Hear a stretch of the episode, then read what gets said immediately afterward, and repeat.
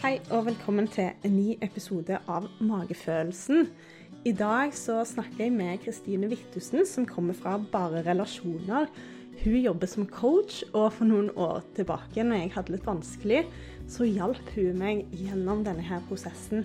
Og dette snakker vi om, det å søke hjelp når vi har det litt vanskelig, og føle at vi kanskje ikke har noen andre i livet å snakke med, og at det kan være veldig godt. Vi snakker òg om personlighetsverktøy, og spesielt noe som Kristine hjalp meg med å lære meg.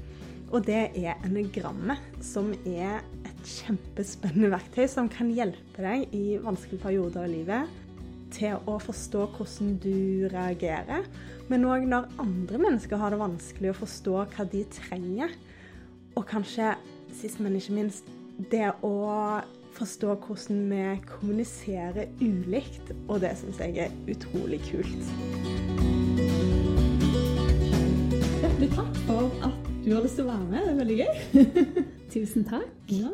Du var coachen min når jeg gikk gjennom en sånn vanskelig periode i livet. Ja. Så det er jo veldig hyggelig å ha med deg og ja, den jeg kjenner som kan enegrammet best, og, og et personlighetsverktøy som jeg har fått veldig stor nytte av. Ja, det er veldig hyggelig å høre, Therese. Og, og kjempehyggelig å høre at du fortsatt bruker det i livet ditt, og at du har hatt så mye glede av det. Det, det gir meg mye å høre det. Mm. Jeg husker jeg var på sånn samling i stua di hvor vi var sånn tolv stykker som fikk eh, et foredrag om enagrammet. En helg. Jeg tror det var en helg. Eller nei, det var kanskje to dager. Ja, to jeg tror jeg tok meg fri fra jobb, faktisk. Ja, det var to dager. Ja, og det var så spennende. Og jeg husker jeg fikk sånn panikk sånn i starten, for det var sånn åpenbaring om hvem jeg var, og det gjorde så vondt. Men etter hvert så har det òg vært så innmari deilig. Ja, og det er litt sånn jeg tror mange opplever første møte med enagrammet. Det kan være litt sånn pinlig, litt Mm. eh, flaut og, og litt sårt noen ganger. Fordi Ja. det er noen ting som du kanskje ikke er så glad for å se om deg selv. Mm. Eh, men til syvende og sist så opplever jeg at når man finner sin type, så er det også en måte å Altså en måte å bli bedre kjent med deg selv, men også å akseptere deg selv mer som du er. Da. Så jeg opplever at mange kan få styrket selvfølelsen sin av å bli kjent med, med sin dominerende type. Da. Mm. Og ikke minst sine fallgruver og hva- de kanskje kan være litt obs på i relasjoner med andre. Hva som trigger dem, osv. Ja. Jeg syns det er et genialt verktøy for selvinnsikt, og også for for å forstå alle de ulike menneskene vi omgås. Da. Eh, og det er, det er jo ikke sånn at alle beskrivelser stemmer, men det er mer som et, eh, som et kart. Da. Det er jo ikke selve virkeligheten, men det, det er et kart. Og, og det er slående presist mye av de beskrivelsene som er av typene i diagrammet. Mm. Men eh, i motsetning til veldig mange andre lignende verktøy, så beskriver ikke enagrammet bare atferd. Det, det ser på motivasjonen bak. Hva er grunnen til at vi tenker og gjør som vi gjør? Da? Og når vi blir bevisst på våre egne og andres styrker og mønstre og triggere og sånt, så er det lettere å gjøre noe med det. Vi kan i hvert fall velge å gjøre noe med det. Eh, Men målet er ikke at vi skal bli noe annen type enn den vi er, men heller at vi skal åpne opp for flere sider av oss selv. Da. Utvikle oss. Jeg tenker at vi er så mye mer enn personligheten vår. Eh, Personlighet er noen overlevelsesstrategier som hjelper oss å manøvrere i en uforutsigbar verden. Eh, Men vi kan også bli for låst i den måten å være på. Da. Mm. Enagrammet hjelper deg å dra nytte av de andre typene i sirkelen også, mer bevisst. Mm. Og se hva er det jeg trenger å jobbe litt mer med. Det er også linjer i enagrammet mellom typene som sier noe om at du beveger deg til noen av de andre typene når du er under press, eller når du er i utvikling. Så det er et, det er et dynamisk verktøy eh, som kan brukes og gi deg veldig mye glede. Og jeg syns det er utrolig morsomt òg, da. Mm. Det jeg syns faktisk er veldig bra, det med nivåene. Fordi at jeg kan kjenne meg igjen hvis jeg har en litt sånn kjip periode eller bra periode. Eh, Den ene boka jeg har, står det veldig beskrevet hvordan min personlighet går hvis f.eks. jeg blir stressa. Og så kan jeg kjenne meg så innmari igjen. Så gir de tips og råd til hvordan å liksom komme seg opp, og hvordan å bruke mine positive egenskaper og styrker istedenfor der jeg kanskje naturlig går, som er mine litt mer negative egenskaper og instinkter. Og det er noe av det som er så nyttig med diagrammet, er at det gir konkrete utviklingsveier for typene, hvis du er interessert i det. Mm. Eh, For hvis du bare går og kjøper en selvhjelpsbok, så er det ikke sikkert at det er de rådene du trenger. Mm. Hvis du er en som hele livet har følt at du ikke får prestert nok og gjort nok, så skal ikke du ha den boken om hvordan bli mer effektiv. Liksom. Nei. Nei, jeg trenger ikke være mer effektiv. Jeg trenger heller rolig. Og jeg tror alle typene har en unik gave ved seg, og så må man passe på at man bruker den på en konstruktiv måte. Mm. At man ikke får overslag og, og bruker det feil. Da. Mm. Så det, der kan enagrammet hjelpe deg å balansere ut styrkene dine. Mm. Jeg må innrømme noen av de store, tjukke bøkene. De er liksom mine favoritter, da, fordi da har du liksom en stort kapittel på din type, og så Ja. kan du sitte ned og nerde. Der er meg. Og jeg syns det er veldig gøy av og til når jeg bruker det i, i coaching. Jeg har jo brukt det med par og sånn, og noen ganger så har jeg kunnet si til dem òg, ja, krangler dere mye om det her og det her? Og så er det sånn Jøss, hvordan vet du det? Er du synsk, liksom? Men så er det fordi jeg har fått en fornemmelse av typene, og kan se hvordan de lett kan trigge hverandre på de og de områdene. Da. Det er utrolig fascinerende, og det er, det er så gøy å møte nye mennesker med Mm. den innsikten i bakhånd. Men selv om jeg kan ikke vite hvilken type du er bare ved å se på atferden din. Nei. For eh, det kan være mange typer som har den samme type atferd, men med en helt ulik eh, drivkraft bak. Mm. Absolutt. Har du lyst til å gi meg en kort beskrivelse av disse ni typene av enagrammet? Det kan jeg godt gjøre. Bare si det at uh, før jeg gjør det, at det er ingen av typene som er bedre eller dårligere enn andre. uh, og, og vi har gjerne litt av alle i oss, og så har vi én som dominerer mest. Type 1, ofte kalt perfeksjonisten, som har et behov for å forbedre. Og har et underliggende ønske om å bidra til en bedre verden. Gjennom å være et godt menneske, gjøre det riktige, ha integritet. Men så kan det komme til å forvrenges til å bli litt sånn kritisk perfeksjonisme og ufleksible holdninger. Og det som enere gjerne frykter mest, det er å ikke være fullkommen. Og det dypeste ønsket som driver dem, er å være god, dydig og i balanse. Det å ha integritet. Da har du type 2, hjelperen, som har et behov for å bli behøvd. Hun eller han ønsker egentlig bare å gi og motta kjærlighet, og på den måten gjøre verden til et kjærligere sted. Men så kan det også forvrenges, da, og kan bli eh, litt eh, for sterkt behov for å være ønsket og uunnværlig. Og frykter å være uønsket og uelsket. Har et sånn dypt ønske om å føle seg elsket, da. Så har du type 3, ofte kalt utretteren, som har et behov for å lykkes. Og har et ønske om å føle seg verdifull og bidra til verden med det de kan og alt det de får til. Men så kan det også forvrenges da, i et sånt evig jag etter eh, suksess og et ønsket image. Har en dyp frykt om å være udugelig og ikke ha noen verdi utover det de presterer. Og ønsker å føle seg verdsatt og akseptert og ønsket. Så har du type 4, ofte kalt individualist eller romantiker, som har et behov for å skille seg ut. Og type 4 prøver å skape seg en identitet ut ifra sin indre opplevelse og ut ifra følelsene sine. Og har et dypt ønske om å være seg selv, og at alle skal få lov til det. Men så kan det komme til å forvrenges i behov for å være spesiell og unik. Og har en dyp frykt om å ikke ha noen identitet eller personlig betydning. Og et dypt ønske om å finne seg selv og skape sin identitet ut ifra sin indre opplevelse. Har du type 5, utforskeren, som har et behov for å forstå, behov for å være kompetent. Dypeste frykten er å være hjelpeløs og være unyttig, og ønsker egentlig bare å være dyktig og kompetent. Og dette ønsket om og talentet for å være kompetent og bidra til verden ved å være nyttig og kunnskapsrik, det kan forvrenges i unyttig spesialisering. Type 6, lojal skeptiker er den ofte kalt, har behov for trygghet. Sekserens ønske om å føle støtte og trygghet og bidra til å gjøre verden til et tryggere sted, det kan forvrenges i en slags avhengighet av andre og av andres meninger. Har en dyp frykt om å ikke kunne overleve eller klare seg på egen hånd, og dypt ønske om å bare finne den sikkerheten og støtten. Da har du syveren, da, som du kjenner deg igjen i. Entusiasten eller eventyreren. som har et behov for å unngå ubehag.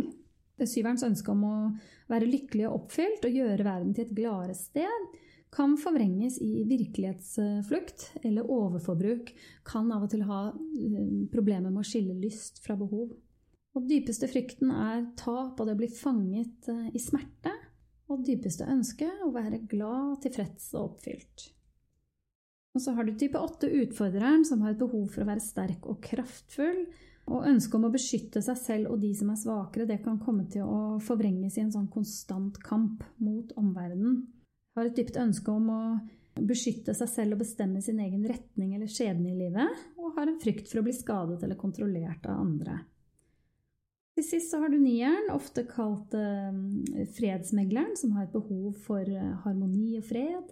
Og, og, dette ønsket om å skape fred og harmoni i verden kan forvrenges i en sta likegyldighet i forhold til å ta tak i de tingene som er virkelig viktige for dem. Dypeste frykt er tap, atskillelse og det å bli utslettet. Og det dypeste ønsket det er å ha ro i sinnet. Ja, det var sånn super, super, super kort. Eh, alltid sånn uh, lett at det kan virke snevert, men det er så utrolig mange dimensjoner til eniagrammet. Da, og også disse uh, merkelappene, som at man kaller dem hjelperen og måloppnåeren osv. Det er for at man skal lettere huske forskjellene mm. mellom dem. Men det hender jo at det trigger noe i oss, at mm. man får litt feil assosiasjoner. Man kan godt være ener uten å være superperfeksjonistisk, f.eks. Mm det med vingene har jo mye å si. Mm. Så det er deler av syveren som jeg kjenner meg veldig igjen i, og så er det andre ting som ikke er meg i det hele tatt. Mm. Um, som kan forvirre litt, men sånn vil det jo være. Og det som hjalp meg veldig, det var å definere disse fryktene mm. og motivasjonene. Det var sånn jeg egentlig ble tipsa om å finne ut hvem jeg er, mm. men òg om jeg er mer i hodet, i hjertet eller i kroppen. da. For meg er det liksom no-brainer at jeg er oppi hodet mitt. Mm. Og jeg er veldig føletriaden, da. Mm. Og, og, jeg kjenner jo, hvis vi snakker om magefølelse Jeg er jo sånn som tar veldig beslutninger basert på følelser, ja. basert på hjertet. Så hvis jeg står overfor noe vanskelige valg, sånn, så hender det ofte at jeg må forhøre meg gjerne med noen som er skrudd sammen litt annerledes enn meg, for å være sikker på at jeg får med meg både hodet og hjertet. Mm. Mm. Det er litt rart noen ganger, fordi at jeg klarer ikke helt å skjønne at jeg egentlig ikke har kontakt med følelsene mine på den mm. måten, men det er noe jeg har jobbet mye med. Jeg har et verdikompass som gjør at jeg jeg tror at jeg noen ganger tror at jeg gjør det basert på følelser, men så handler det om hva jeg syns er rasjonelt, og det er f.eks. å ta vare på mennesker. Og det er ikke en følelse, ja. det er rasjonelt. Mm. Mens jeg tror jeg har misforstått det som at jeg er følsom, da. Hvis du skjønner. Ja, jeg skjønner. Mm. Det er interessant. Det spiller ikke så stor rolle hvilken triade vi hører til, så lenge vi er bevisst på hvilken triade vi kanskje har en tendens til å neglisjere. Mm. Og, og, kan bruke det konstruktivt. Være klar over det at å, jeg har litt tendens til å ikke få med meg hodet, eller jeg har litt tendens til å ikke få med meg følelsene. Mm. Så kan man eh, bruke det bevisst. Ja, jeg syns det er mer interessant. Jeg er veldig fan av å høre på ulike sånn Enegram-podkaster. Mm. Da snakket de òg om at de ulike personlighetene òg har ulikt forhold til tid. Har du hørt om det? Ja. Og det syns jeg var ganske interessant, for det mm. forklarer så mye at det er noen som eh, er veldig til stede nå. Det er mm. noen som tenker fram i tid, og noen som tenker bak i tid. Mm. Som kan skape så mange misforståelser både i relasjoner og mm. i arbeidslivet. Jeg for, for eksempel en sjuer og en firer. Mm. Sjueren er jo veldig på vei til det neste og ja. i, i, fremtiden. Mm. Mens eh, fireren kan ha en tendens til å tenke veldig tilbake og mimre. 'Åh, oh, var det ikke fint uh, mm. sånn som det var før?' Og savne ja, og lengte. Ikke sant? Mens, så, så, så, det er klart at det kan skape gnisninger uh, mellom folk. Uh, hvor, hvor, har du ditt fokus, på en måte? Men det er jo også disse forskjellene som gjør det så spennende med mennesker. Da, å være rundt mennesker som er litt forskjellige. Jeg synes i hvert fall det er utrolig givende. Så lenge vi er bevisst. Når jeg hørte det, så fikk jeg omtrent mitt livs åpenbaring. For at jeg har gjennom prosessutvikling i store organisasjoner. Og jeg tenker jo liksom veldig løs løsningsorientert fram i tid. Mm. Det er liksom min go to. Og så har jeg liksom kommet i møter, og så har jeg liksom bare sånn Hvorfor henger folk seg opp i liksom alt som har skjedd? Vi driter i det, liksom. La oss kjøre på og tenke framover. Men jeg plutselig bare ah!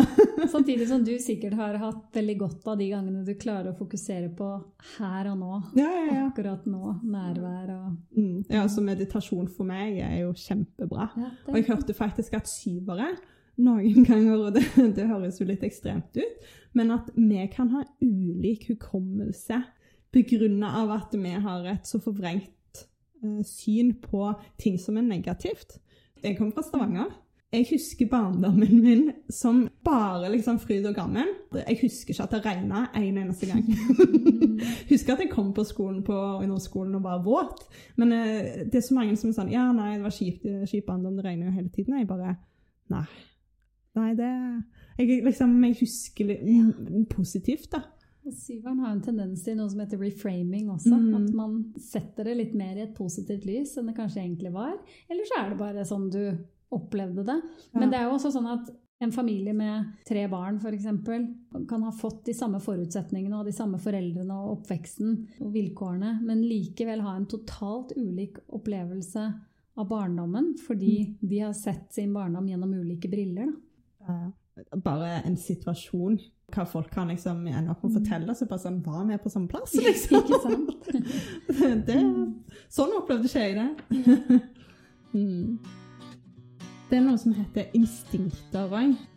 Det er litt sånn komplisert noen ganger å identifisere sine instinkter, men jeg syns allikevel det er veldig nyttig, fordi at det òg gjør enagrammet mer komplekst. Mm. Og jeg husker ikke hva den boka heter nå. Det er Hudson og Riso. Mm. Sånn Enagrammets visdom. Ja, The Mm. Wisdom of the Anagram heter den vel. Mm. Um, og der beskriver det hver personlighetstype, og òg hver personlighetstype med instinktet. Mm. Og når jeg leser det på meg og andre mennesker jeg kjenner som de som er så gir det mye mer mening, for Mm. der får du nyansen på et annet vis. da. Mm.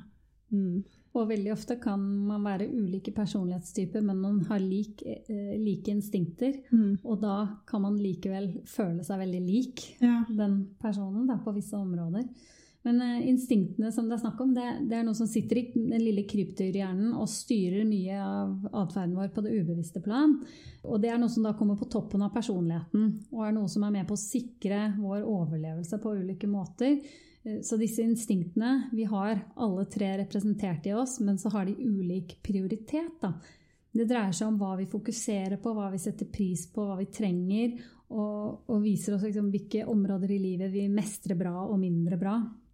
Så ditt dominerende eller primære instinkt, det er et område du gjerne bruker mye tid på, og også kan komme til å dømme andre for når de ikke mestrer det, fordi det faller deg så naturlig. Da. Og så kan du bli litt stressa hvis du ikke har kontroll på det eh, området, og kan, og kan kanskje overdrive litt da, i Mm. ditt mm. dominerende instinkt. Og så har du ett som er mer normalt velfungerende balansert, og så har du ett som man kan kalle blindt, som du ikke har så god styr på ofte. Mm. Og her kan man selvsagt jobbe med å få uh, mer ordnings på det instinktet som er blindt. Da. Og sånn veldig kortfattet da, så er, er det, heter disse tre det sosiale instinktet, som sikrer over, overlevelse gjennom bl.a. relasjoner, samarbeid og forbindelse til andre mennesker. Da har du liksom god forståelse for gruppedynamikk og, og litt opptatt av din rolle i gruppen osv. Så, så har du self-preservation, som sikrer vår fysiske overlevelse gjennom eh, kroppens komfort og sikkerhet. Er det nok mat i kjøleskapet? Har jeg kontroll på praktiske gjøremål? Betaler jeg regninger i tide? Og andre fornuftige ting, da. Og så har du det intense instinktet, som også ofte er kalt én-til-én. Eh, Som sikrer overlevelse gjennom bl.a. det å være attraktiv, eh, på en måte nesten litt forførende, og være utforskende og søke opplevelser, intense opplevelser og fordypelse. Så, så det er liksom instinktene veldig kort. Og f.eks. mannen min, da, han har det intense som primær. Og jeg har nok mest av, av det sosiale. Og det kan være utrolig frustrerende for meg når han fordyper seg og blir liksom helt inne i en fotballkamp, og jeg ikke får kontakt. For det, jeg har den relasjonelle, sosiale radaren på alltid. Det kan liksom ikke falle meg inn å ikke høre noen som snakker til meg hvis jeg sitter og leser en bok. Mens han sånn, går inn i sonen. Og jeg husker i begynnelsen av vårt forhold at uh, når han var på guttetur og sånn, så kunne jeg sende sånne lange tekstmeldinger sånn 'Å, jeg savner deg så mye, og håper du har det bra, hva har dere gjort i dag?' og sånn. Og så kunne jeg få sånn 'Bra, ha det. Eller natta. og i begynnelsen var jeg sånn Det er dødsirriterende. Liksom. Give me something. Og så har jeg jo etter hvert skjønt at det er jo også hans styrke. Da, at mm. han er til stede der han er. Da er han med gutta og koser seg, har det gøy. Mm. Han vil heller dele det med meg når han kommer hjem. Ja. Han vil være til stede der han er. Og det vet jeg er noe som jeg egentlig trenger. For jeg kan jo bli litt utfordret av at uh, vi kan sitte ute og, og spise, f.eks. Mens han er veldig mye mer til stede i samtalen. Kan jeg av og til bli sånn Å, der kom noen. Kjente jeg han? Kjente jeg hun? Hvem er det som kom der? Ikke sant? At jeg liksom skal Alt tikker inn på den sosiale radaren, da. Mm. så, så, det er jo noe jeg har jobbet litt med. Mm. Så, så der, eh, der, er det også om å gjøre å bli litt bevisst, da.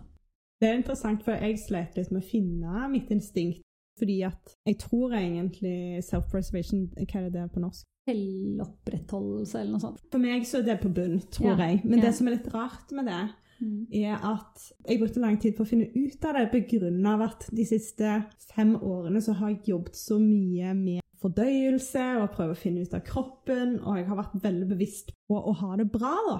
Når du jobber med det, så plutselig sant, så får jo den mye mer fokus, og jeg, liksom, jeg har alltid råvarer i kjøleskapet, og jeg, jeg, lager middag og sånn, men det er ikke det at det egentlig faller meg naturlig. Det er det mm. at jeg vet at jeg trenger det for å ha det bra, hvis ikke så kan jeg bli syk. Mm. Men det kan plutselig begynne å forvirre.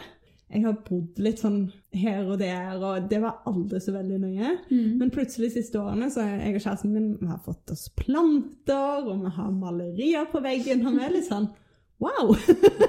Hva skjer? Og så er det jo veldig deilig. Men jeg tror for meg så har aldri det vært så viktig. For jeg har liksom Jeg har vært veldig mye ute. Jeg har ikke vært så veldig hjemskjær. Så ja, det kan være vanskelig. Men jeg òg tror jeg har en one-to-one på topp. Mm. Men det forklarer nok mye syveren, for at jeg er veldig sånn som konsentrerer meg. For jeg syns ting er gøy, så går jeg veldig inn i sonen, og så bare ja, kan jeg bli litt overivrig på det. Men eh, det kan jo ikke være nødvendigvis et så typisk syvertrekk. Det å på en måte grave seg ned i detaljer og, og like nerder, holdt jeg på å si. så det blir jo mange begreper å forholde seg til hvis man ikke kjenner enagrammet fra før, men, men det er i hvert fall det viser at både liksom med vinger, nivåer og instinkter, så er det virkelig ikke snevert. Nei, nei. Eh, og det er, det, er som, det er, så mye spennende man får lære av det. Og, mm. og selv bare å få litt overblikk eh, og bli kjent med din egen type kan gi veldig mye. Da. Eh, mm. Man kan lære dette her på veldig mange ulike nivåer. Ja, det er kanskje spesielt jeg, eh, jeg har en litt sånn sterk personlighet som gjerne har tatt litt mye plass. Og det å forstå litt hvordan jeg er, og at ikke alle andre er sånn, mm. det har jeg hatt så godt av. For jeg husker tidligere forhold, blant annet, at jeg kunne synes synd på han ene eksen min som ville være hjemme på en fredag, fordi at mm. det ville aldri jeg. Mm. og jeg hadde liksom bare så innmari stort behov for å finne på ting hele tiden, og det fikk jeg energi av. Ja. Men uh, det gjør jo ikke alle. Ja, det, det, det syns jeg også er så spennende å tenke på det at vi, at vi ser verden med ulike briller. Da. Og jeg mm. tror at denne innsikten har lært meg å ikke sammenligne meg like mye med andre. Mm. Typer. Da. Det blir ja. litt som å sammenligne epler og pærer, ja, for vi er så forskjellige. Mm. Men, uh, men, det å av og til ta på seg andres briller, på en måte mm. Fordi brillene er på en måte filtre som vi tolker alt som skjer med oss uh, på. Og ja. dine briller er helt annerledes fra mine. Mm. Sånn at vi kan jo sitte og se på akkurat det samme foredraget, og jeg kan uh, tenke at åh, oh, det var en utrolig inspirerende og dyktig foredragsholder, og du kanskje syns hun var totalt flåsete og overfladisk. og, ikke sant? Så det kommer jo helt an på hvilke erfaringer, hva har jeg i bagasjen, hva har mm. du i bagasjen, og hvordan tolker vi verden på, da. Ja, ja. Så det er det neagrammet gjør. Det er på en måte vise deg din niende del av virkeligheten. Da. For det er mm. ni grunnleggende typer. Mm. Og så fins det veldig mange variasjoner innenfor det. Ni Mm. høres veldig snevert ut. Mm. Eh, Men på toppen av det så kommer det veldig mye annet som, som skaper forskjeller. Da. Men det er likevel noe sånn at uh, du er sjuer, ikke sant? Mm. Ja, husker det. Og uh, hvis du treffer andre sjuere, så vil det likevel vel stort sett alltid være noen fellestrekk mellom Mm. dere. da. Mm. Litt som at uh, hvis du skal male stua di, og du kommer og skal, jeg skal ha lyseblå stue, så får du et fargekart. Det fins Mm. utrolig mange nyanser av lyseblå. Og det samme er det med sjuere. Det fins mange nyanser. Og ikke minst fins det også nivåer. I, i enneagrammet så, så skiller vi- vi mellom nivåer av utvikling eller selvinnsikt eller nærvær. Da. Sånn at du har liksom de øvre tre nivåene. Hvis du er der, så er du veldig sunn og utviklet. Og, og hvis du er i de middels tre nivåene, Mm. så, så er du mer normalt balansert, ganske der hvor de aller fleste av oss er. Og på de tre laveste nivåene, da begynner det å bli mer destruktivt. Sånn at en sjuer på høyt nivå av nærvær og selvinnsikt vil Mm. være veldig annerledes fra en som ligger eh, nede i båndnivå. Og jeg har faktisk sett også at noen eh, typer som har hatt det ganske bra sammen i et forhold, selv om de har vært veldig lavt i nivå, men de har vært det begge to. Ja. Mener? Problemene begynner hvis den ene har jobbet mye med seg selv og har ganske mye selvinnsikt og bevissthet, og den andre overhodet ikke henger med. Mm. Det er interessant. Du skulle nesten tro at liksom to minuser ikke ble pluss, holdt jeg på si. Men eh, det blir jo ofte det. Mm. Og når det gjelder sånn kombinasjoner av typer òg, så, så er det mange som spør meg ah, eh, hvilken type burde jeg bli sammen med. Liksom. Og, da, og jeg pleier alltid å si at alle typer kan kombineres og, og være fine kombinasjoner, men det dreier seg mer om bevisstheten på Mm. forskjeller og, og hvordan man håndterer det. Da.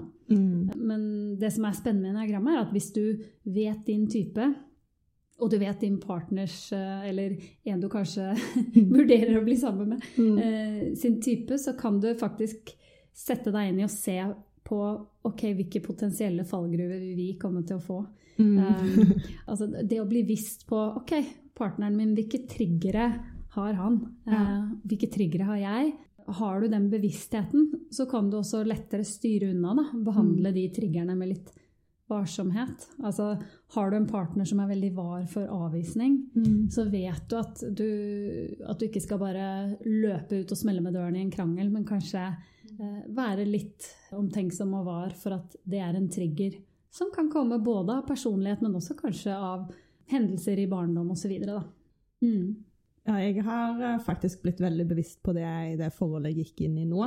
Fordi at jeg møtte deg mellom to forhold Mm. og ble introdusert for enegrammet, og forsto jo egentlig hvordan det kunne styrke mine tidligere forhold, og at et av forholdene jeg var i, ikke hadde blitt så vondt som det ble. Men òg det forholdet jeg er i nå, som er med en åtter, som er en veldig sterk personlighet. Og jeg er òg en ganske sterk personlighet. Begge to vi går til sinne. Det er på en måte vår naturlige respons, og det å eh, jobbe med det. Og jeg har jo funnet ut at selv om det noen ganger kan bli intenst, så er vi de beste til å eh, hjelpe hverandre til å ikke gå til sinne. Mm. Men da er du nødt til å være bevisst på det. Og det er jo ikke alltid kjempelett, men det gjør at vi egentlig forstår hverandre innmari godt òg. Mm. Det kan jo òg bli en eksplosjon hvis du ikke er bevisst på det. Mm. Rett og slett. Mm. Så, ja, bevisstgjøring. Ja, så dere har litt av det samme typen Altså du har en Har du en vinge til Jeg har en åtte? åttervinge, Ja, nettopp, så, så jeg har en ganske sterk åttervinge. Ja. Mm. Mm. Så vingen er jo den man kan kalle nabotypen. Mm. Um, Denne grammet er jo formet som en sirkel, og eh, typene er ikke tilfeldig plassert på symbolet. De er i en bestemt rekkefølge, og den, eh, en av de typene som er ved siden av, er også en type du gjerne påvirkes litt av. Da. Den fargelegger typen din, på en Mm. måte. Det kan være på den ene eller den andre siden, og det kan være en sterk eller svak vinge.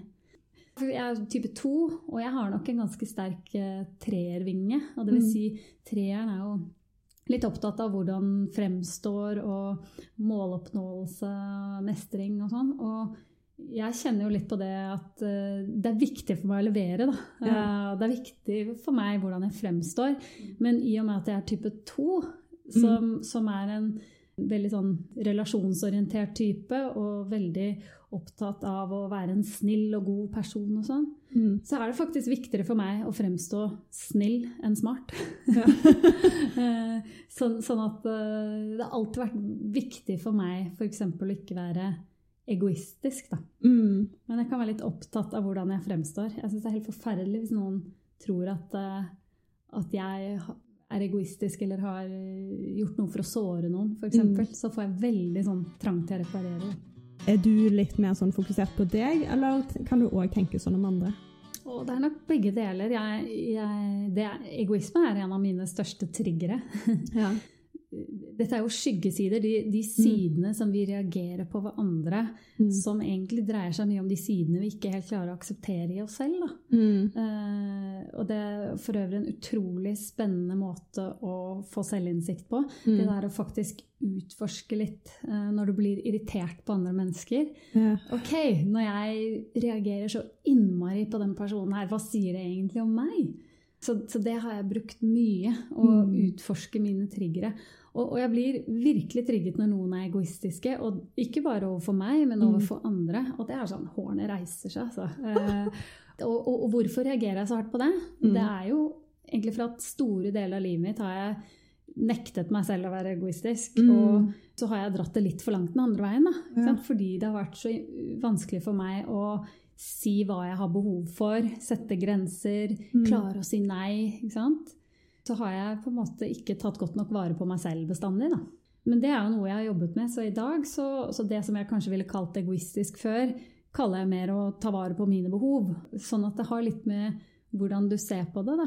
Men jeg pleier å anbefale folk hvis de har lyst til å utforske det der litt, og noen eh, har et eller annet, en eller annen atferd, en eller annen person de trigges veldig av.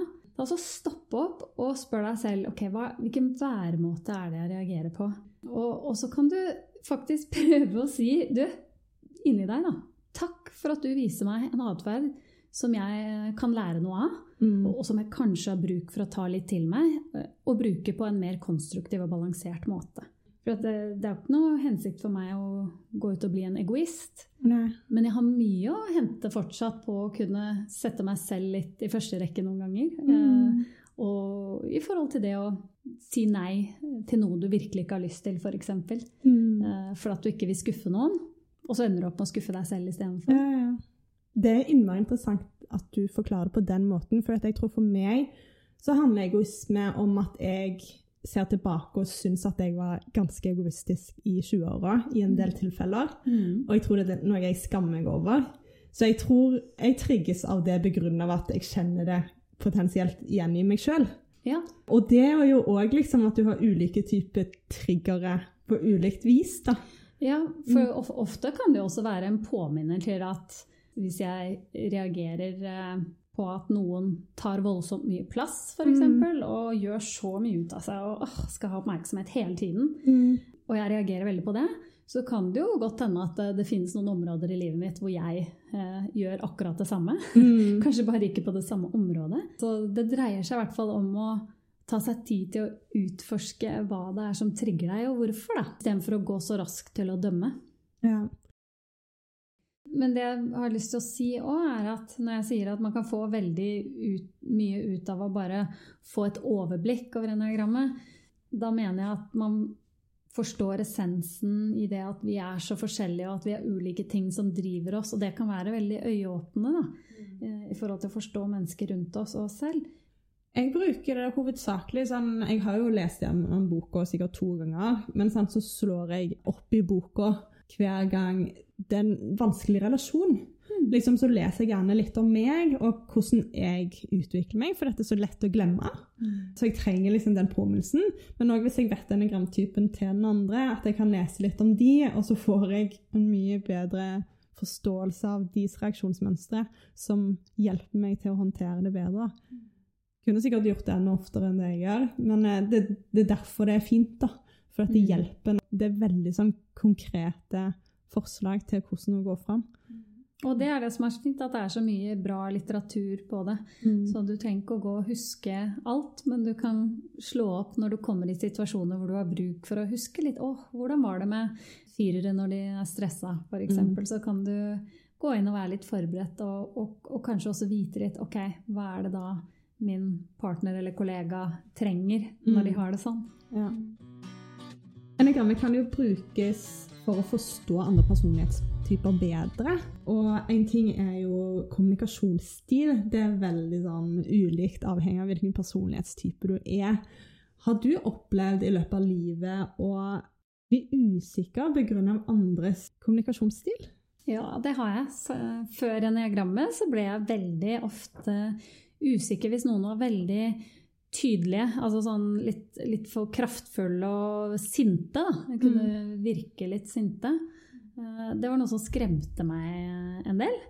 Men så har jeg jo lært veldig mye om at mye av det dreier seg om at det er noe sårbart som ligger under. Da. Og når du, når du skjønner at det er en eller annen form for frykt og sårbarhet som de ikke er trygge nok på å vise fram, så er det lettere å romme det. Og, og huske på det at folk gjør stort sett ikke ting mot deg. De gjør det for seg selv, for å beskytte seg selv.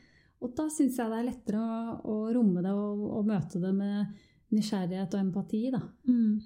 Jeg kan ha reagert veldig på mennesker som er sånn bedrevitende og pirkete og oppleves som dømmende. Da. Mm. Men så har jeg også sett at noen enkelte typer som har trigget meg der, eller spesielt én type som har trigget meg veldig der, at dette er en type som har en veldig, veldig sterk indre kritiker. Og da kan man jo også skjønne at det er ikke så lett å ta imot kritikk hvis du allerede har kritisert deg selv opp og ned. Eh, og de har en naturlig eh, fokus på hva som kan forbedres. Mm. Men, men å skjønne det, at det er på en måte ikke noe ondsinnet i det, og at det dreier seg om den personen og ikke om meg og, og mine feil, eh, Mm. det syns jeg var befriende og, og har gjort at mine relasjoner til den typen, eh, Mhm. type 1 i diagrammet, er en helt annen i dag enn det kunne ha vært. da. Hvordan er din kommunikasjonsstil som toer? Altså, jeg skriver jo de lengste tekstmeldingene, og jeg er rå på emojis. Mye hjerter og smilefjes. og det er litt sånn typisk fordi jeg skal myke opp og gjøre det varmt og hyggelig. Så jeg er veldig sånn rund i kantene og litt sånn Mm. varm i kommunikasjonen, kan du si. Generelt ganske mye ord, da. Så kort og kontant det er ikke meg. Så det hender ofte at hvis jeg skal sende en mer sånn profesjonell mail hvor jeg skal prøve å oppnå noe spesifikt, at jeg må få mannen min til å se over. Og da blir den sannsynligvis halvparten så lang. Ja. Mer to the point. Jeg er veldig opptatt av å vise folk at jeg er til stede, og jeg hører hva du sier, og at folk skal føle seg vel i samtalen. Da. Det er liksom toeren. Så en litt sånn bekreftende kommunikasjonsform, vil jeg si. Mm. Det var jo det som fikk meg til å ville ha deg som coach, da. Så det funker. Det funker. Det funker. Men kanskje alt til hver sin tid. Jeg pleide å være veldig kort og konsis, men så jobbet jeg eh, for Deloitte i Belgia. Og det var veldig schizofrent, for jeg skrev jo gjerne en mail, og så skulle de gjennom en senior eller en manager som skulle godkjenne mailen før jeg sendte den ut. Jeg hadde ledere fra hele Europa, og de fra Nord-Europa var sånn Ja, det er fint. Og alle fra Sør-Europa hadde liksom lagt til liksom to paragrafer. og masse sånn kontekst og mye formalitet og fullord. da. Så jeg, jeg har nok òg lært litt. Fordi at jeg vet jo at jeg kan være litt brå, direkte og ærlig. Sånn at noen ganger kan det være fint med fullord. Men så merker jeg jo noen ganger òg at jeg får kommentarer kunne korta det ned litt. så det er en sånn fin balanse. Alt til hver sin tid. Hvordan tror du unge mennesker kunne hatt nytte av et sånn type personlighetsverktøy? Jeg tror eh, unge mennesker kan ha veldig mye glede av det. Ungdom tror jeg absolutt kunne fått veldig mye ut av det. Jeg skulle ønske jeg hadde mange av de verktøyene jeg har på et mye tidligere tidspunkt.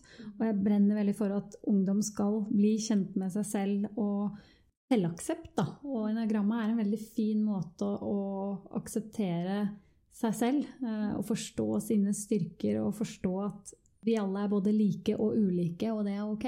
Så jeg tror eh, ungdom kunne spart seg for eh, mange feil beslutninger og dårlige forhold og hatt bedre selvfølelse hvis de hadde denne type verktøy, ikke nødvendigvis bare enneagrammet. Enneagrammet er én av mange muligheter til selvinnsikt. Da. Men jeg slår virkelig et slag for selvinnsikt. Og jeg drømmer også om at livsmestring og mental helse at det skal bli enda lettere tilgjengelig for ungdom, og at terskelen skal være lavere for å be om hjelp. Da, og Mm. ha noen å snakke med. Jeg òg har jo veldig troen på det. Og jeg bare ser for meg Jeg tror det hadde blitt mindre, eller færre mobbere. Og så tror jeg mobberfone kanskje hadde klart å distansere seg mer hvis de hadde forstått årsaken til at folk mobber. For at veldig ofte så handler det jo om usikkerhet, og ikke nødvendigvis at de mener å være onde, men at de ønsker å beskytte seg sjøl. Og hvis du hadde klart å liksom se personen på baksiden og ha empati med mobberen, så kanskje det hadde prella mer av, og at du hadde klart å respondere bedre. Mm. Så det å kanskje ha verktøy som kan hjelpe i den prosessen med å skjerme seg sjøl. Mm. Vi kan jo ikke gjøre noe med våre negative mønstre hvis vi ikke får øye på dem. Så, så det, der kan jo dette verktøyet hjelpe veldig. Da. Mm. Jeg tror jeg hadde hatt veldig nytte av det på videregående når jeg skulle velge studieretning. Jeg hadde ikke peiling. Og alle søylene var jo like høye på mine tester på videregående. Fordi at jeg interesserer meg litt for alt. jeg syns det er så mye som er spennende. Men så klarer jeg ikke å begynne å snevre inn før jeg har prøvd noe. Jeg husker når jeg var ferdig utdannet, så søkte jeg så innmari mange ulike typer jobber. Fordi at jeg klarte liksom ikke si at det var noe som hørte kjedelig ut. Men det som er for meg at det liksom første månedene så vil det meste være sykt spennende. Men det er færre ting som er spennende over tid. Så det er den balansen jeg er nødt til å finne. Mm. Men som er, jeg tror det er lett for en syver å havne i feil jobb. Men så har du jo også funnet ting du har fordypet deg i, Ja, ja. og går all in på noen ting, Mm. som det her prosjektet. Ja, ja, ja. Mm. Over til deg. Du starta med en PR-karriere, og nå jobber du som coach og foredragsholder. Har du lyst til å fortelle litt om reisen fra det ene til det andre? Mm.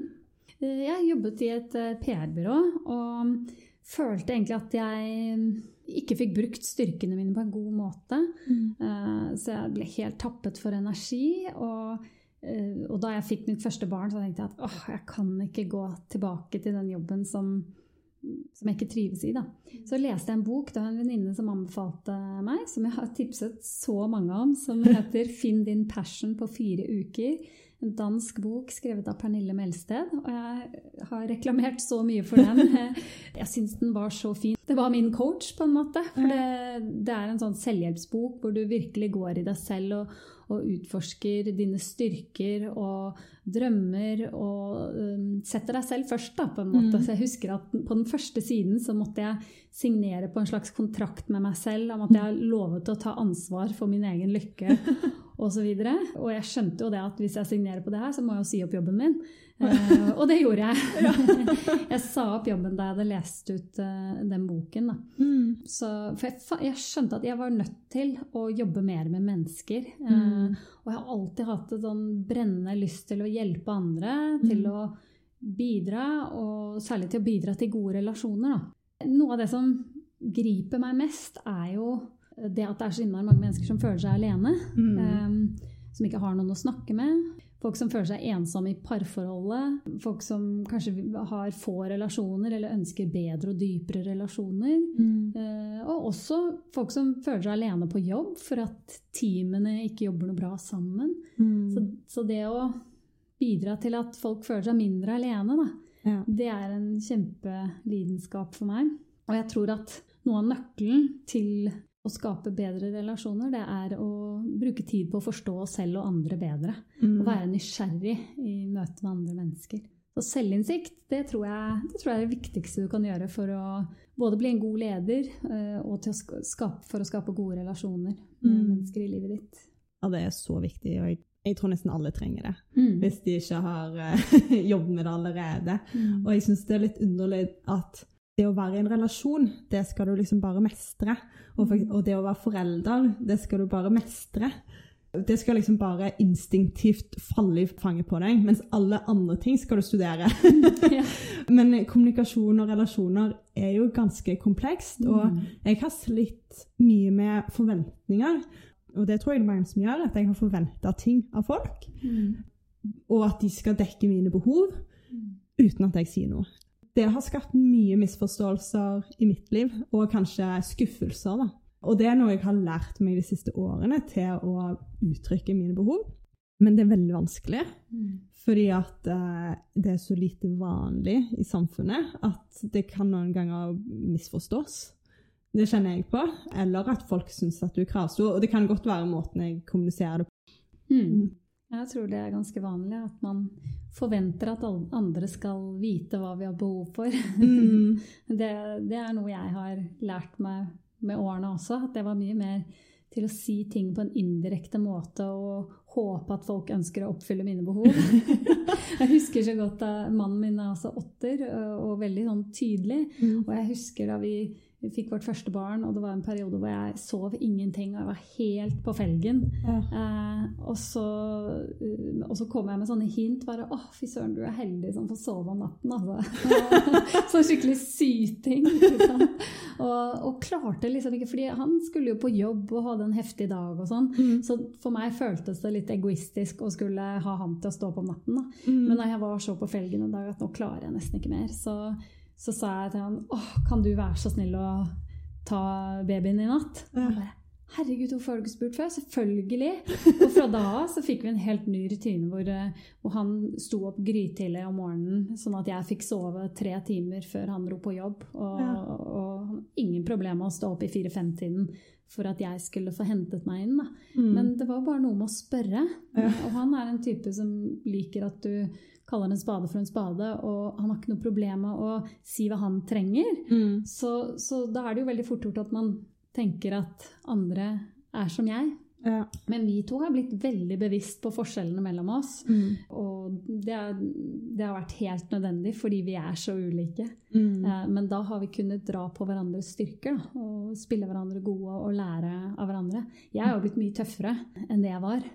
Og han har åpnet opp for litt flere av de mykere sidene, da, som jo Mm. åtteren har i seg, men som kan være litt beskyttet av en sånn ytre rustning. Da, mm. Mm. Ja, det er faktisk herlig mortere. Når du blir ordentlig godt kjent med dem, så ser du liksom den sårbarheten i dem. Mm. Og at de er veldig gode mennesker. Men jeg tror det er mange som misforstår dem. Mm. Mm. Hva er vi mest stolt over å ha utretta? Jeg er stolt over at jeg turte å gå en annen vei enn det jeg trodde folk forventet av meg. Og jeg sier 'trodde' fordi jeg har alltid hatt veldig gode venner og familie som har støttet meg. Jeg tror ikke de har hatt så mye andre forventninger til meg enn at jeg skal ha det bra. Men likevel så, så var det tøft for meg å si opp en godt betalt og trygg jobb, for så å gå ut i noe helt ukjent. Og coaching var jo ganske nytt da. Jeg er stolt av at jeg turte å gjøre det. Mm. Um, og så husker jeg at jeg ble veldig inspirert av en bok på den tiden, en sånn bestselger som, som het 'Feel the Fear and Do It Anyway' av Mm. Susan Jeffers. Og den inspirerte meg til at ah, jo, ok, jeg kjenner frykt, men det betyr ikke nødvendigvis at jeg ikke skal gjøre det. Mm. Uh, og, og jeg er ganske stolt av at jeg fortsatt stadig vekk gjør ting jeg frykter. Da. Så så lenge jeg kjenner at åh, men det er, oppsiden er stor, og, og det er noe glede og spenning der òg, Mm. eh, så, så kan jeg gjøre ting jeg frykter eller, eller har litt motstand på. Da. Mm. Og én ting som jeg Hvis jeg skal trekke fram en sånn helt konkret ting jeg er stolt av, så husker jeg eh, for en del år siden så var det jeg og en coach som jeg samarbeidet en del med. Mm. Vi hadde en del workshops på eh, Psykologisk institutt eh, for doktorgradsstipendiater.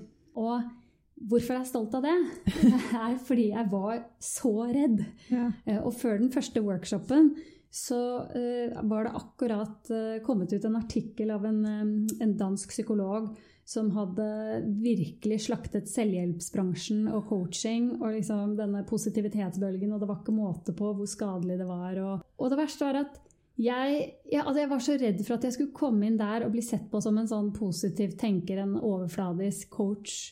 Jeg hadde en så sterk overbevisning om Mm. at psykologer er skeptiske til coacher. Ja. Og så leste jeg den artikkelen og visste at alle de har sikkert lest den nå, så det forsterket jo min Ja, ja. overbevisning. Så jeg kjente veldig på den frykten. Samtidig så visste jeg at jeg kjente meg jo virkelig ikke igjen i hans beskrivelse. Mm. Jeg visste at måten jeg jobbet med mennesker på, det var på et dypere plan. Mm. Det var ikke sånn bare positiv tenking. Eh, Mm. Jeg er kjempeopptatt av å anerkjenne følelser og, og, og, og kjenne på både det som er vanskelig og det som er bra. Ja. Jeg jeg var også veldig enig i noe av det han skrev, at noe av faren med selvhjelp og, og den bølgen der, er det at det liksom sier noe om at vi hele tiden skal forbedre oss og bli en bedre versjon av oss selv og prestere enda mer i morgen. Mm. Det betyr at vi ikke er gode nok som vi er det, da. Ja. Og det er jeg litt enig i at eh, man må passe seg for at ikke det bare blir enda et område man skal prestere bra på. Da. Mm. For jeg tror at selvutvikling dreier seg vel så mye om å akseptere og være glad i seg selv Mm. som å utvikle seg eller forbedre seg. Da. Men sånn for å avslutte den historien, så, så var jeg så nervøs at jeg tenkte jeg må gjøre noe. eh, Gjøre noe med formatet, så jeg kan være komf med dette. og så bestemte vi oss for at, at vi skulle være veldig ærlige eh, og snakke om frykten vår. Og, Mm. og noe av temaet med denne workshopen var sårbarhet og autentisitet og frykt. Så vi begynte med å snakke om, med sånn glimt i øyet, at dette har vi fryktet. Ja. Å komme inn blant dere psykologer. Jeg har i hvert fall kjent på det at Mm. psykologer er skeptiske til coacher, og her står vi mm. i bjørnens hule, liksom. Ja. Så vi var veldig ærlige. Og det som var så gøy, var at tilbakemeldingene vi fikk etterpå, gikk veldig på det at eh, den åpningen hadde gjort så inntrykk på dem, Mm. og at det var noe av det som gjorde at deres skepsis til coacher ble gjort fullstendig til skamme. Ja. Det syns jeg var eh, veldig kult. Og det Mm. minner meg egentlig om det at når vi slipper å skjule så mye, så, Mm. så slipper vi også den der frykten for å bli avslørt. Når vi kan få lov å være den vi er, og si Mm. det som det er. Så, så det er en sterk verdi for meg. Det å kunne være autentisk og sårbar. Da. Mm. Kommer du litt nærmere andre mennesker når du viser hvem du er. Jeg tror at når du kommer folk i forkjøpet og sier det de kanskje potensielt vil tenke, eller det du frykter at de skal tenke, så avvæpner du situasjonen. Jeg er helt enig. Det jeg liker med coaching, er at det drar inn kanskje litt mer moderne forskning òg. Psykologer de er veldig veldig flinke til, til å hjelpe de som er klinisk syke. Mm. Mens jeg tror coacher er mer for alle oss andre som bare syns livet kan være litt utfordrende, og relasjoner er utfordrende, og hjelpe oss til å forstå oss sjøl. Mm. Så eh, hvis du liksom klarer å skille de to litt, så er det bra på hver sin måte. Og jeg har jo hørt veldig mange som har gått til psykolog, og at det ikke har funka, og funnet den hjelpen de har trengt i en coach, fordi at de er på et annet sted i livet og trenger annen metodikk, og motsatt. Og motsatt. Ja. Mm.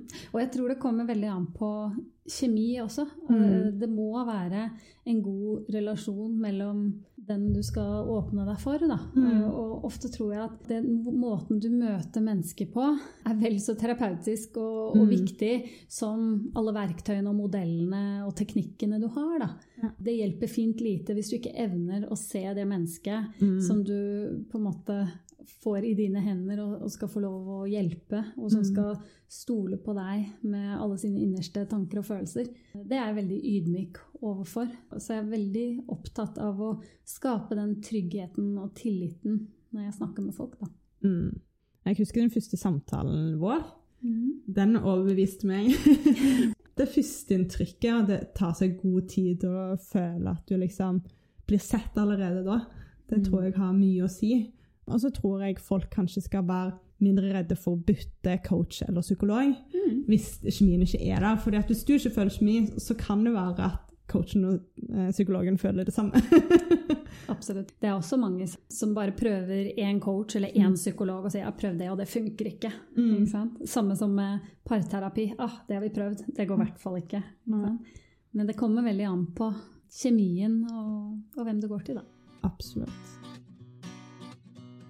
Vil du si at du har endra deg etter du har eh, lært om enegrammet og alt det du sikkert har lært de siste årene? Ja, jeg har endret meg masse. Jeg har nok store deler av livet vært um, en veldig fleksibel people pleaser. Eh, og jeg husker jeg ble spurt om å skrive en artikkel om people pleasing en gang. Jeg bare ja, det kan jeg godt. det var alle de tipsene jeg hadde gitt meg selv, og fortsatt må gi meg selv en gang imellom. Mm. Eh, Men, men det er noe med å bli bevisst på tendensen din, sånn at du kan gjøre noe med det. Og jeg, jeg kan fortsatt eh, være glad i å være der for andre og stille opp og være positiv og sånn, men, men jeg er mer bevisst over eh, motivasjonen min da, og klarer å, å si nei. Mm. Så jeg har forandret meg utrolig mye. Jeg tror også noe som jeg har forandret meg gjennom årene, er at jeg før var jeg nok litt kjappere til å gå i den der fiksefella. At når noen hadde et problem, så skulle jeg fikse det der og da og oppmuntre og gjøre dem glad. Ikke sant? Mm. Men så har jeg jo gjennom alle disse årene skjønt at det er ikke det folk trenger. Stort sett så trenger de å bli møtt der de er. De Mm. trenger at man møter følelsene deres, så, så de forstår at eh, det er helt ok å ha de følelsene du har. Og så kan man heller senere være konstruktive, men du, du kan ikke komme med konstruktive råd før du først har evnet å møte dem der de er. Da. Mm. Og jeg tro, tror det er en av de viktigste tingene som må til for å skape endring, for å skape utvikling, er aksept. Aksept av tingenes tilstand. Mm. Og det er jo litt paradoksalt at hvis du, hvis du aksepterer deg selv akkurat som du er, så kan du lettere utvikle og forandre deg. Mm. Men hvis du har veldig motstand på å akseptere at du har kommet hit, liksom ah, hvordan kunne det bli så ille? Mm. Den motstanden skaper jo ikke noe motivasjon og kraft til å ta deg videre. Mm. Sånn at jeg er veldig på det at ok, nå er vi her. Mm. Og det er helt fint. Og så ser vi hvor du vil. Det er veldig nyttig. Er det noe du har opplevd har vært og er utfordrende i livet? Å tenke på det som har vært aller mest utfordrende i livet mitt, så er det noe som skjedde meg i midten av 20-årene. Jeg bodde seks år i Chicago og studerte. Og mot den siste tiden der så hadde jeg, hadde en kjæreste. Han hadde vært syk, han hadde hatt leukemi, og Mm. så ble han frisk, og vi ble sammen. Og så var det sånn at jeg skjønte etter hvert at jeg lengtet så intenst hjem til Norge. Mm. Og jeg visste at vi, vi var egentlig helt feil for hverandre. Vi var venner, men det var helt feil. Så jeg hadde bestemt meg for at dette kan jeg ikke mer. Og så var jeg så involvert i familien, syntes det var veldig vanskelig. Og blitt glad i dem alle og hadde støttet han gjennom en del operasjoner som ettervirkninger av den kreften, selv om han var frisk da. Mm. Så jeg var veldig sånn involved, da. Og så, før jeg kom så langt som å gjøre det slutt, så kom sjokkbeskjeden at han hadde fått tilbakefall, og at denne gangen så det virkelig ille ut. Det er liksom ikke da du går og sier du, forresten, jeg gjør det slutt, jeg. Så jeg var i en så låst situasjon, fordi hjertet mitt var ikke der med han, men jeg kjente at jeg var nødt til å støtte opp om familien, og jeg ante jo ikke hvor lang tid dette skulle ta. Mm. Og jeg husker at eh, jeg drev og trålte selvhjelpshyllene på universitetet for å se om liksom, hvordan håndterer jeg dette her. Mm. Og så prøvde jeg å ringe skolepsykologen, men eh, hun sa at det var eh, en del måneders ventetid. Ja. Og da prøvde ikke jeg å ringe en ny psykolog. Eh, Det skulle jeg jo ønske nå at jeg gjorde. Mm. Og, og jeg tror ingen skjønte hvor ille jeg hadde på innsiden. Fordi jeg klarte nesten ikke å innrømme overfor meg selv at jeg hadde tenkt å gå fra han. Selv familien min i Norge, som jeg var veldig nær, jeg var nok redd for at hvis jeg fortalte folk at jeg ikke hadde følelser for han lenger, Mm. så ville de si nå må du passe på deg selv. Det er ingen som vet hvor lenge det her kommer til å ta. Du må bare Ja. og jeg tenkte jeg kan ikke gå ut av det her. Så jeg tok en beslutning om at jeg skal støtte dem gjennom denne vanskelige tiden. Da. For det var Jeg tenkte det er, jo, det er ikke meg det er synd på nå. nå. Mm. Nå må jeg bare være der. Og så etter hvert da, så ble han bedre og bedre, og ting gikk bra. Men jeg husker veldig godt når jeg skulle si til han at um, We gotta talk. så sa han åh, kan vi bare vente, jeg er ferdig med eksamen. Et par uker. Og jeg skjønte på han at han har visst det ganske lenge. at Det går den veien. Så når jeg først tok det opp, så fikk han, fikk han ikke sjokk. Rett før jeg flyttet derfra, så hadde familien hans en stor avskjedsfest for meg. Og jeg glemmer aldri at foreldrene hans tok meg med ut på terrassen og ga meg et gullarmbånd. Og jeg var sånn, jeg følte nesten at jeg ikke kunne ta det imot, for jeg kjente at jeg sviker dere alle. Men i dag betyr det armbåndet faktisk mye for meg. Og, mm. og, jeg er utrolig glad for at 20 år senere så er han frisk og har det bra. Men det, var, det er noe av det tøffeste jeg har vært med på, og har også gjort meg bevisst på hvor viktig det er å åpne opp. Mm. Ha noen du kan åpne deg fullt og helt opp for når du bærer på noe tungt. Mm. Og, og, noen ganger familie og venner og sånt, de har på en måte en stake i det dilemmaet du står i. ikke sant? Mm. Familien vil jo ha meg hjem, og vennene mine vil antakeligvis ha meg der. Ja. sånn at det å ha en nøytral fagperson som ser deg og støtter deg, jeg tror det hadde gjort en stor forskjell for meg hvis jeg hadde hatt en psykolog der og da. Mm. Men, men det har nok påvirket og formet meg veldig fordi det har gjort at jeg har fryktelig lyst til å kunne være en støtte for andre som går gjennom noe vanskelig. Da. Jeg har også vært veldig bevisst på det at hvis man først ikke har det bra i et forhold, så må man ikke utsette det mer enn nødvendig. Du gjør jo bare noen en bjørntjeneste. Men jeg var ung, ikke sant? Og jeg ville jo ikke oppleve det samme i dag. Mm. Men jeg har lært, lært mye av det. Mm. Og sånt er så innmari vanskelig. For det det, er vanskelig å gå ut av et forhold. Mm. Og kanskje spesielt hvis du er venner. Mm. Ja, men det er innmari, innmari tøft, ja. Jeg har et siste spørsmål, mm. som er mitt avslutningsspørsmål. som eh, er eh, Hva er det pinligste du har opplevd i løpet av livet? Uh. en del år siden så var et av barna mine på en sånn um, sommerskole. Mm. Um, de hadde holdt på en uke, og så skulle de ha et avsluttende show. Og jeg skulle gå og se dette, og jeg skulle ha med meg svigermor.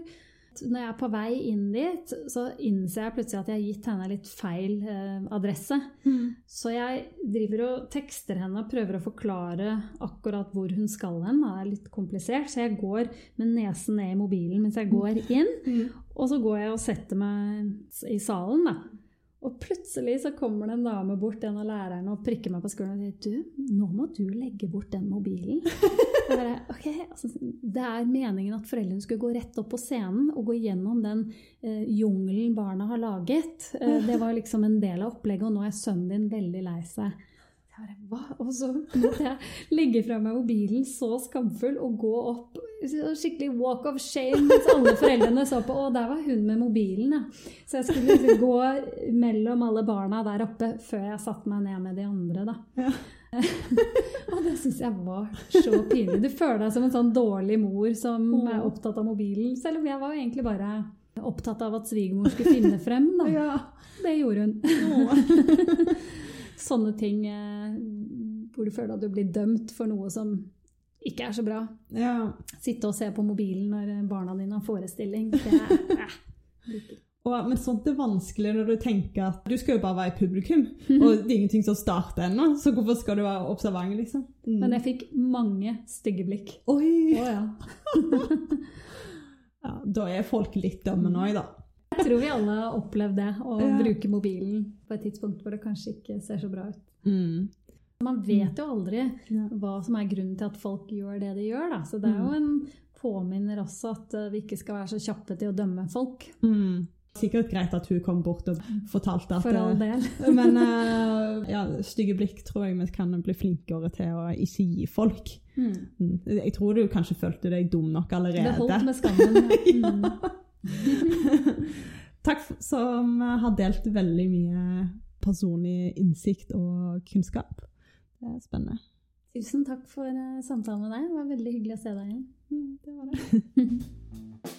Hvis du likte denne episoden, så sjekk gjerne ut en annen episode av podkasten. Vi snakker om mye spennende, og spesielt det å være seg sjøl i 2021. Vi snakker om skambelagte tema, og vi snakker om hvordan å få det bedre med oss sjøl. Og så har vi et stort fokus på bærekraft, på likestilling, mental helse, helse. Ja. Jeg er òg på Instagram og har en hjemmeside som heter magefolelsen.com og magefolelsen.podkast. Sjekk det ut. Ha en god dag, da.